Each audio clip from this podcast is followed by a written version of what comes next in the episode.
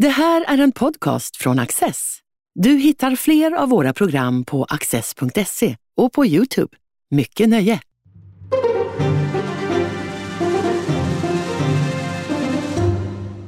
Välkomna till Studio Access. Min gäst idag är Fredrik Sjöholm som är nationalekonom, eh, nybliven chef för eh, Institutet för näringslivsforskning, IFN. Varmt välkommen! Tack så du ha. Du började på IFN för några månader sedan och kom då närmast från Lunds universitet. Eh, och du firade så att säga, din exit från universitetet med att skriva en riktig brandfackla om en sektor i kris, får man väl säga. Vad tycker du är de största problemen med universitetsvärlden idag? Först ska jag säga att jag, eh, det här var ju inte riktat mot Lunds universitet och jag har haft förmånen att jobba på eh, många lärosäten i Sverige och utomlands. Så jag känner väl att jag vill summera mina, mina år i universitetsvärlden. Eh, Problemet är så här, det finns bra miljöer i universitetet och det finns miljöer som inte funkar speciellt bra.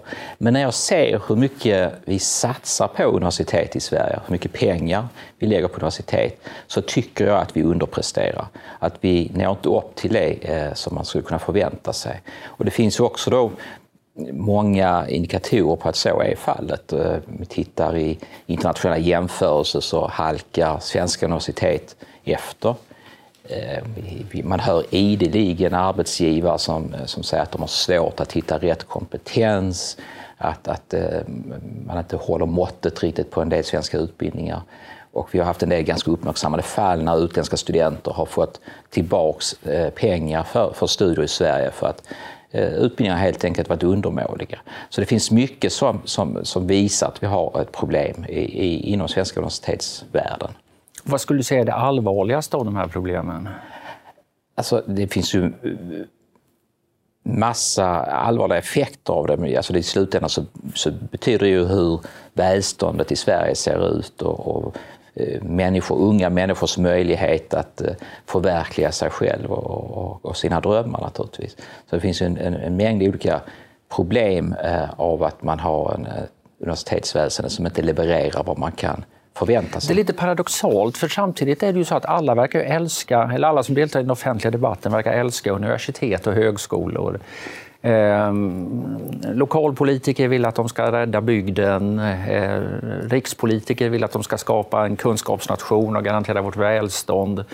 Fackföreningar vill att de ska höja statusen för deras medlemmar.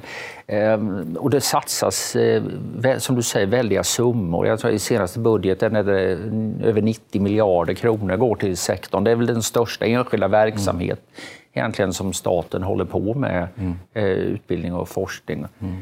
Varför, men du menar att man bara stoppar in mer och mer resurser och talar mer och mer väl om en sektor som egentligen borde eh, renoveras? Det tycker jag. Och kanske är det så att, som du säger, att det är så många intressenter här, eh, är ett av problemen. Eh, jag kan tycka när man pratar om, om universitetsvärlden, eh, från politiskt håll till exempel, så, så har man ju många olika mål eh, som, ska, som ska uppfyllas av eh, universitets och högskolor. Eh, istället för att kanske fokusera på att man ska leverera eh, Eh, utbildning och forskning av väldigt hög klass så pratar man nu då om andra saker. Det kan vara till exempel regionalpolitiska eh, resonemang. Eh, det kan vara att varit väldigt mycket senare år tal om, om jämställdhet och mångfald. Det talas ibland om, om arbetsmiljöfrågor och liknande. Och allt det här är ju naturligtvis vällovligt. Men det gör också att man förlorar fokus eh, och inte levererar den kvaliteten som, som jag tycker man skulle kunna göra. Så där, den aspekten då är eh, otydlighet från, från, eh, från till exempel det politiska ledarskapet har varit under en lång tid. Eh, där man inte tillräckligt, tycker jag, betonar att det allt överskuggande målet för, för universitets och högskolor ska vara att, att leverera så bra utbildning och så bra forskning som man bara kan. Det är som att man inte riktigt vill ställa kraven av, eh, av risk för att få syn på någonting man helst inte vill upptäcka. Så kan det vara och eh, så är det klart man är fångad i, andra politiska processer där det kommer upp nya frågor som man då vill lösa med, med universitets och högskolepolitik. Detta klart, det hade ju inte varit ett stort problem om man sen hade haft bra myndigheter som hade, som hade sett till att universitets och eh, högskolor levererade. Men där tycker jag också att det fallerar. Eh, att man tittar på, på fel saker. Från eh, till exempel Universitets och kanslersämbetet, UKÄ, som ska granska, granska utbildningar. Där man, där man har en tendens att titta på processer. Till exempel om man ska utvärdera en, Eh, en grundutbildning någonstans, eller grundutbildningar i hela Sverige, så ska man titta på eh, examinationsform, man ska titta på kursbeskrivningar och liknande, alltså processer. Och jag tror alla som har varit inne på ett universitet vet att de här pappersprodukterna de har intet att göra med, med verklig kvalitet. Så verklig kvalitet drivs av någonting annat. och Det fångas inte i de här eh, processerna man tittar på. Hur tycker du man skulle mäta kvaliteten? Eh, ta exempel här nu. Just nu så utvärderar man all forskarutbildning i Sverige. Ett jätteprojekt. Alltså vi lägger ner miljontals miljontals kronor på detta och det varar under fem år. Återigen, man tittar på processer, man tittar på om, man, hur, eh, om det finns dokument för hur handledning eh, går till. Det fångar ingenting. Och universiteten har blivit så bra på att skriva sådana här dokument, alltså slänger in alla de rätta fraserna så att det ser bra ut. Men jag tycker man ska titta på output, alltså vad åstadkommer forskarutbildningen? Och då borde man kunna till exempel titta på eh, var publiceras de här doktoranderna när de är klara? Vilken typ av tidskrifter? Kanske vad får de för jobb när de är klara? Det tycker jag är ett mycket bättre mått. Och tittar vi på output så behöver vi inte bekymra oss så mycket heller för, för vägen dit. Och det kan ju vara så att man kan nå en bra kvalitet på olika sätt beroende på var, vilken typ av högskola och universitet man är. På samma sätt kan jag tycka att det är ju underligt att man inte tittar mer på grundutbildningen, vad det leder till. Återigen, vi tittar på processer, eller UKÄ tittar på processer. Varför tittar man inte på eh, var folk får jobb? Vilka yrken får man jobb i? Vad är lönen när man får jobb? Man kunde ju då till exempel titta på, okej, okay, alla som läser eh, statsvetenskap i Uppsala, vad får de jobb? Vad jobbar de fem år efter de har tagit mm. examen? Mm. Kan man då jämföra det med de som läser statskunskap i, i Göteborg? Eller de som läser nationalekonomi. Eh, jag tror det har varit otroligt intressant och jag tror också att det är någonting som studenterna borde vara intresserade av. Borde inte någon forska om detta? Jo, Borde inte universiteten själva liksom studera ja, det här? Det man ska vara medveten om det finns naturligtvis många intresse ja. av att, att bibehålla någon form av status quo. Jag tror att universiteten kan ofta känna sig ganska bekväma med eh, att göra de här eh, dokumenten med floskler och, och liknande eh, istället för att verkligen ta fram, ta fram hård, hård fakta. Inte minst här från från humanister till exempel, då, att de är lite rädda för att de har en svår arbetsmarknad. Mm. De är lite rädda för då, hur ser det ut om vi tittar på var man får jobb efteråt. Men eh, jag tror det är ett feltänk. Jag tror att eh, även de skulle tjäna på det liksom och, och börja fundera. Och det hade också tvingat fram, återigen, en ökad kvalitet. Eh, att, man, att man anpassade utbildningar så att man verkligen lärde sig någonting och någonting som gjorde en anställningsbar. Ett argument man i och för sig ofta hör det är ju att man är redan förlamad av alla, alla administrativa regler mm. och mm. alla utvärderingar. Mm. Och att den här, det klassiska eh, vad ska man säga, självstyr, akademiska självstyret är underminerat. Mm. Hur står du i den diskussionen? Ja, men det kan jag förstå. Jag kan väl hålla med om det. Och det är hela min poäng. Tittar vi på vad som åstadkoms så behöver vi inte bry oss lika mycket om all den här administrationen, alla de här, att dokumentera allting. Det är ju någonting som inte bara universiteten lider av, utan det ser du ju även i, i skolan och i förskolan och så vidare, att man ska dokumentera allting i, i, eh, i något vansinnig eh, mängd. Eh, och det tar otroligt mycket tid och kraft från, mm. från personal som egentligen skulle göra andra saker. Låt oss titta på vad, hur det går för våra studenter istället. Och är det problem så kommer då den här äh, konkurrenssituationen att, att uh, tvinga fram liksom sämre lärosäte att, att ändra sig. När du skriver en sån här eh, artikel där du ändå tog i ganska rejält, eh, vad möter du för reaktioner inifrån eh, universiteten?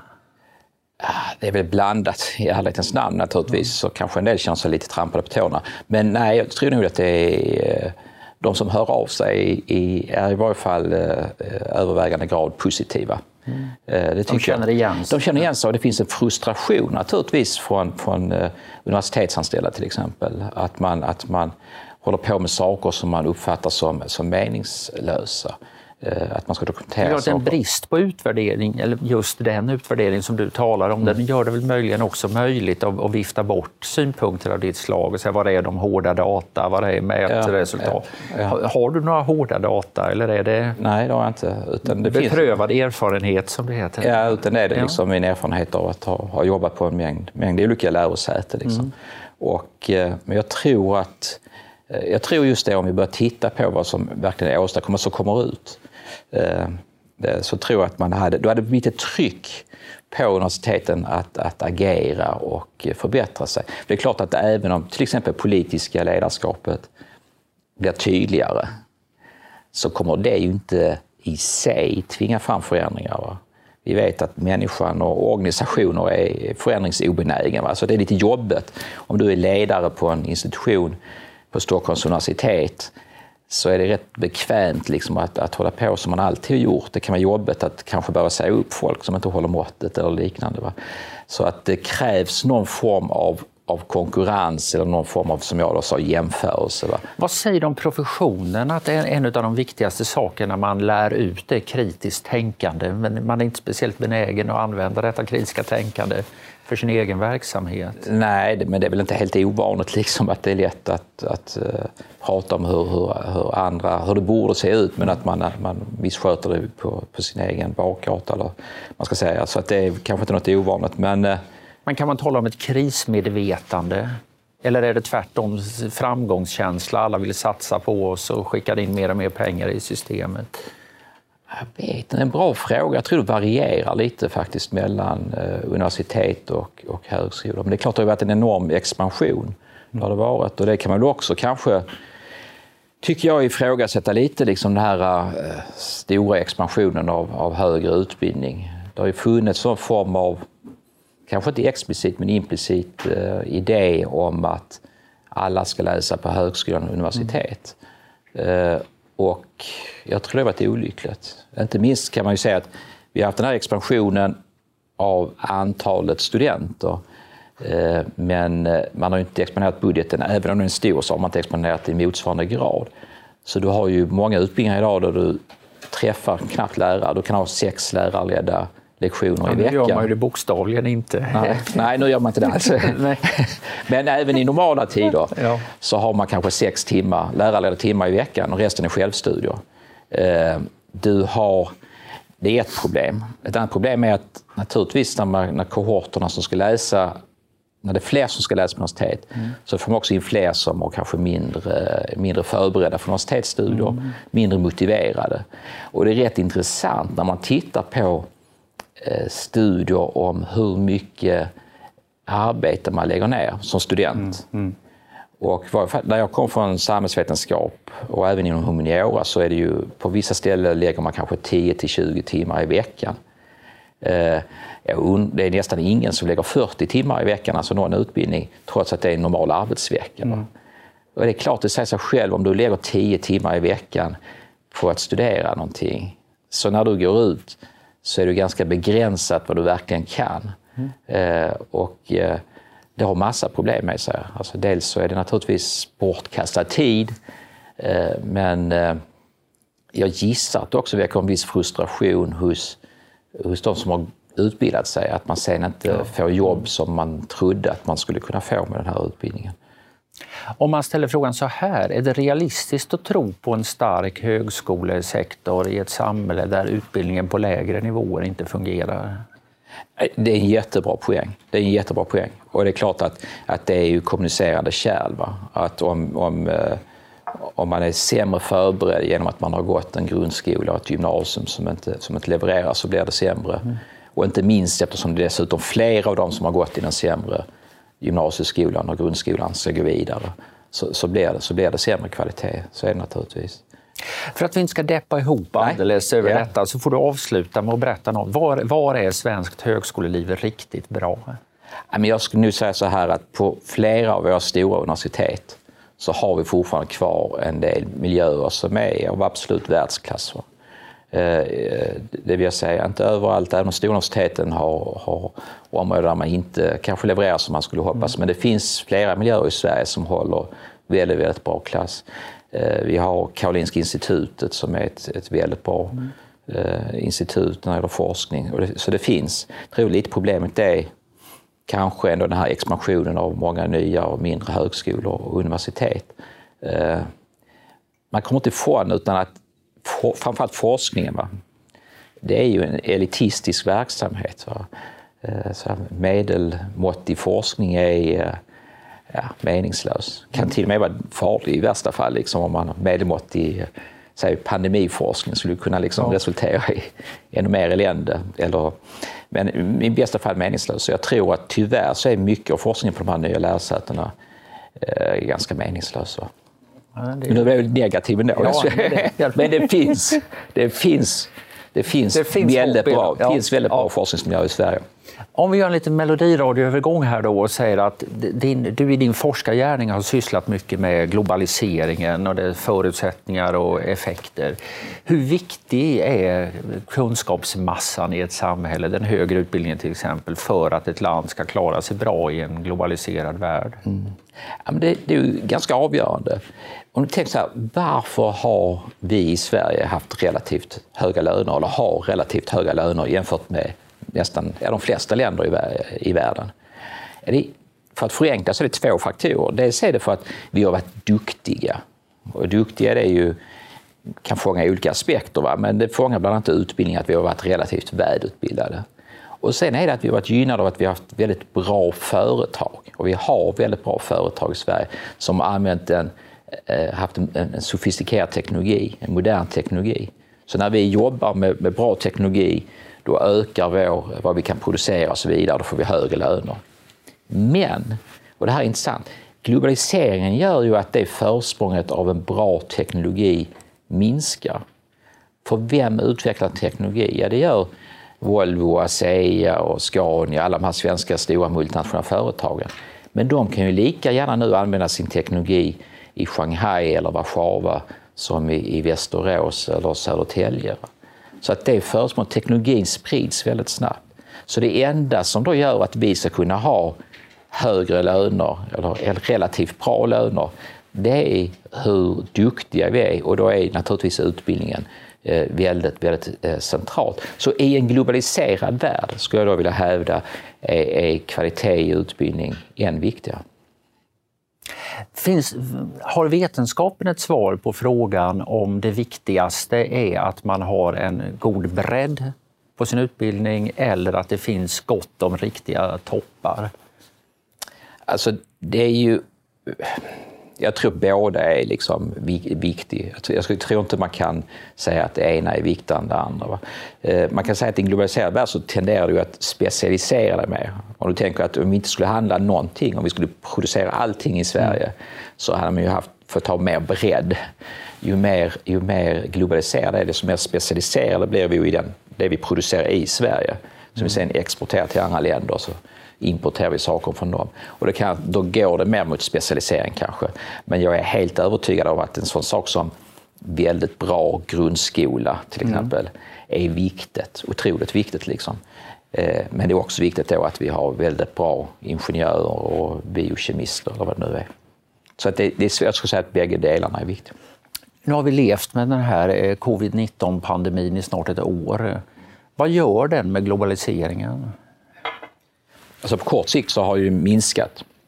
Har det minskat av olika anledningar. Eh, den stora så vi ser till exempel att handeln minskar ju väldigt mycket nu under, under, under, under den här pandemin. Är handeln det bästa? Man nu, globalisering är så himla många olika ja. saker. Är handeln den bästa sån här proxyn som man säger för...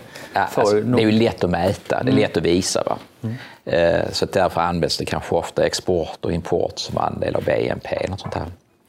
Eh, men man, visst, du har alldeles rätt att eh, multinationella företag är jätteviktigt. Migration är en viktig aspekt av globalisering. Eh, men, men det minskar nu i pandemin. Handeln minskar. Varför då? Ja, ett, efterfrågan minskar. Vi går inte ut och äter eller vi går inte och handlar, konsumerar lika mycket kläder och liknande. Då importerar vi mindre kläder. Så att det är ganska naturligt. Sen har vi fått Eh, störningar i produktionskedjor när, när folk inte kan resa mellan länder och besöka fabriker i andra länder och så vidare. När eh, man helt plötsligt fick stänga ner fabriker i vissa länder på grund av pandemin. I varje fall i våras var det ju så. Eh, det har också lett till minskad globalisering. Vi har haft direkta handelshinder. Det var ju ganska eh, illavarslande att se hur vi hanterar krisen i början, här i våras eh, 2020, när vissa länder förbjöd export av, av eh, medicin och mm. eh, medicinska produkter. Eh, så allt detta sammantaget har lett till att, att eh, globaliseringen minskar. Men om det blir som finanskrisen 2008-2009 så kommer det kanske kommer återkomma ganska snabbt. Men samtidigt så finns det något annat som på lång sikt är mer illavarslande. Det är att vi har en trend av ökad protektionism i världen. Och det är klart att om krisen, om pandemin sänker folks levnadsstandard i olika länder lite mer varaktigt så är det möjligt att det ytterligare kommer underblåsa den här man får en nedåtgående spiral. skulle kunna vara ja. så. Va? Vi vet att protektionism är att man ökar tullar och ja, liknande. Det, ja. Och att det tenderar att, att bli så när, när, när folk får det sämre. Det är ju till exempel någonting vi kan se med eh, just det här globaliseringen sen, sen Kina kom med i WTO och liknande.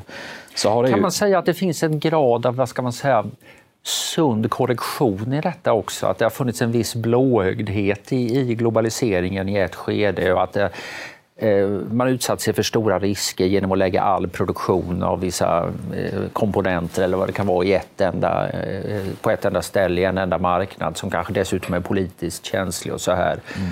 Och nu inser företag att ja, det kanske är bättre att ha en mm. del lite närmare hemma. Och sånt mm. här. Det kanske är mm. att man blir mindre globaliserad, men det kanske är robustare på längre sikt. Så kan det vara. Jag tror du har rätt. Jag tror att om man tittar på de största företagen så tror jag, mitt intryck är att redan innan pandemin så var de ganska medvetna om att man gärna skulle ha eh, alternativa leverantörer till exempel. Eh, men lite mindre företag har absolut agerat på pandemin nu. Och jag tror också att det finns, som du säger, att man kommer fundera på att flytta hem viss produktion. Och det är eh, för att ta det närmare, för att mm. inte lida av, av den här typen av avbrott i handelskedjor. Och det underlättas av en annan sak och det är den här automatiseringen. Eh, alltså om, om det är robotar som producerar våra varor så blir arbetskraftskostnaden inte lika viktig. Mm. Då kan man lika gärna ha fabriken i, i Arboga som i, i Wuhan. Eh, för, för att det, det är mest robotar som, som arbetar. Mm, och det märker man redan? Det vi, vi har faktiskt på institutet dragit igång ett forskningsprojekt om mm. detta nu om, som vi kallar reshoring, att man tar hem produktion. Va? Eh, så, vi, så vi vet att man hör mycket anekdotiska eh, bevis mm. på att så kanske är fallet, att, att företag börjar ta hem viss, viss produktion. Jag måste bara passa på att fråga mm. också, att det såg väldigt illa ut eh, för eh, ekonomin i, våras när det gjordes prognoser. Ja. Eh, och sen har det ju slagit olika i olika länder. Ja. Sverige verkar ha klarat sig bra, är väl mycket sagt, men liksom mm. nedgången verkar bli kanske 3% av BNP. Ja. sånt. Och det är ju mycket bättre än vad man trodde i våras. Ja. Och detta verkar bero på att exportindustrin har klarat sig mycket bra. Mm hur stämmer det överens med den minskade globaliseringen? Är det just svenska företag som har grejat? Det beror lite på vad man producerar. Ja. Så det är klart, tittar man på företag som Electrolux och liknande så har de ju eh, enorma vinster förra året. Det är väl att folk har investerat i den typen av, produkter. När man sitter hemma köper man en bättre kyl. Liksom. Så är det nog. Ja, så, det ja. Eh, så, att, så att det skiljer sig mellan industrier. Ja, naturligtvis tjänstenäringen har ju mm. slagits ut Eh, helt på sina håll. Va? Det är klart, där är inte vi lika tunga kanske i den besöksnäring och liknande. Va? Men du har rätt att, att BNP-fallet är kanske lite mindre än vi hade förväntat oss och att Sverige klarar sig ganska bra. För att det är inte bara det hur mycket BNP-fallet är. När du, när du tittar på det ska du också kolla på hur mycket pengar har staten pumpat ut i ekonomin. Mm, absolut. Och där är ändå, Sverige har ju inte vi har ju ökat absolut de offentliga utgifterna men kanske inte mycket mer än, än andra länder. Va? Så att vi har nu klarat oss hyfsat får man säga. Kanske på grund av att vi inte har stängt ner lika mycket som, som andra, som andra länder. Ja, det verkar också som att en hel del av stöden liksom har, ja, de har annonserats, men de har inte riktigt betalats och det är, ju något, och det är ett problem. Ja. Mm. Det är ett problem, framförallt för de här mindre företagen som inte vet exakt hur man ska navigera i de här systemen och sånt. Mm. Det, det, det, det, är ett problem. Om jag förstår dig rätt, så när du säger att, att protektionismen i världen tenderar att öka mm. eh, och, det, och gjorde det kanske redan före pandemin. Mm. Eh, mm. Att det har mycket att göra med Kinas mm. uppdykande på världsmarknaden och hur det skapar en helt ny situation. Kan mm. du utveckla det lite grann? Ja, men det, så här, globalisering har ju... Vi har egentligen vetat att globalisering alltid har haft olika effekter på olika grupper. Alltså det är bra för världen i stort. Det ökar liksom världens BNP. Det är, man kan säga att det är bra för alla länder. Men inom länder finns det eh, vinnare och förlorare. Va? Alltså det är klart att om du jobbar eh, i tillverkningsindustrin och jobbet försvinner till, till Kina så är, du, så, så är inte du så glad. Då är du förlorar på detta. Va? Vinsterna är större än förlusterna av det här. Eh, men det finns som sagt de som förlorar på detta. Och det är klart att de kan ju sätta den politiska agendan. Va? Det är inte så att, att, bara för att vinsterna är större så är det inte sagt att de vinner sådana politiska spelet. Mm. Och det finns, det, jag tror att man, vi underskattade lite i kåren, att säga, kostnaderna av globaliseringen. Hur, hur, och framförallt, inte så mycket i Sverige, vi har klarat det väldigt bra måste jag säga. Men om man tittar på länder som Storbritannien och USA så har man ju fått en medelklass som, eh, ja, om inte deras tillvaro blivit sämre så har i varje fall man haft väldigt låga eh, löneökningar eh, under decennier nu på grund av globaliseringen. Är det på grund av globaliseringen? Det är, det är ju ett annat stort debattämne. Ja. Jag skulle säga att det är globalisering och det här vi pratar om automatisering och digitalisering. Mm. Att man, man eh, kläms från två håll. Antingen flyttar jobben ut till Kina eller så tas de över av en robot. Mm. Och det är mycket tillverkningsindustri jobb som har försvunnit. Och det, det var ju traditionellt ganska välbetalda jobb. Mm. Eh, så att, så att, och, och det finns studier som visar att, att, att den här effekten ledde till exempel till Brexit. Det var mycket en effekt av globalisering, att man röstade.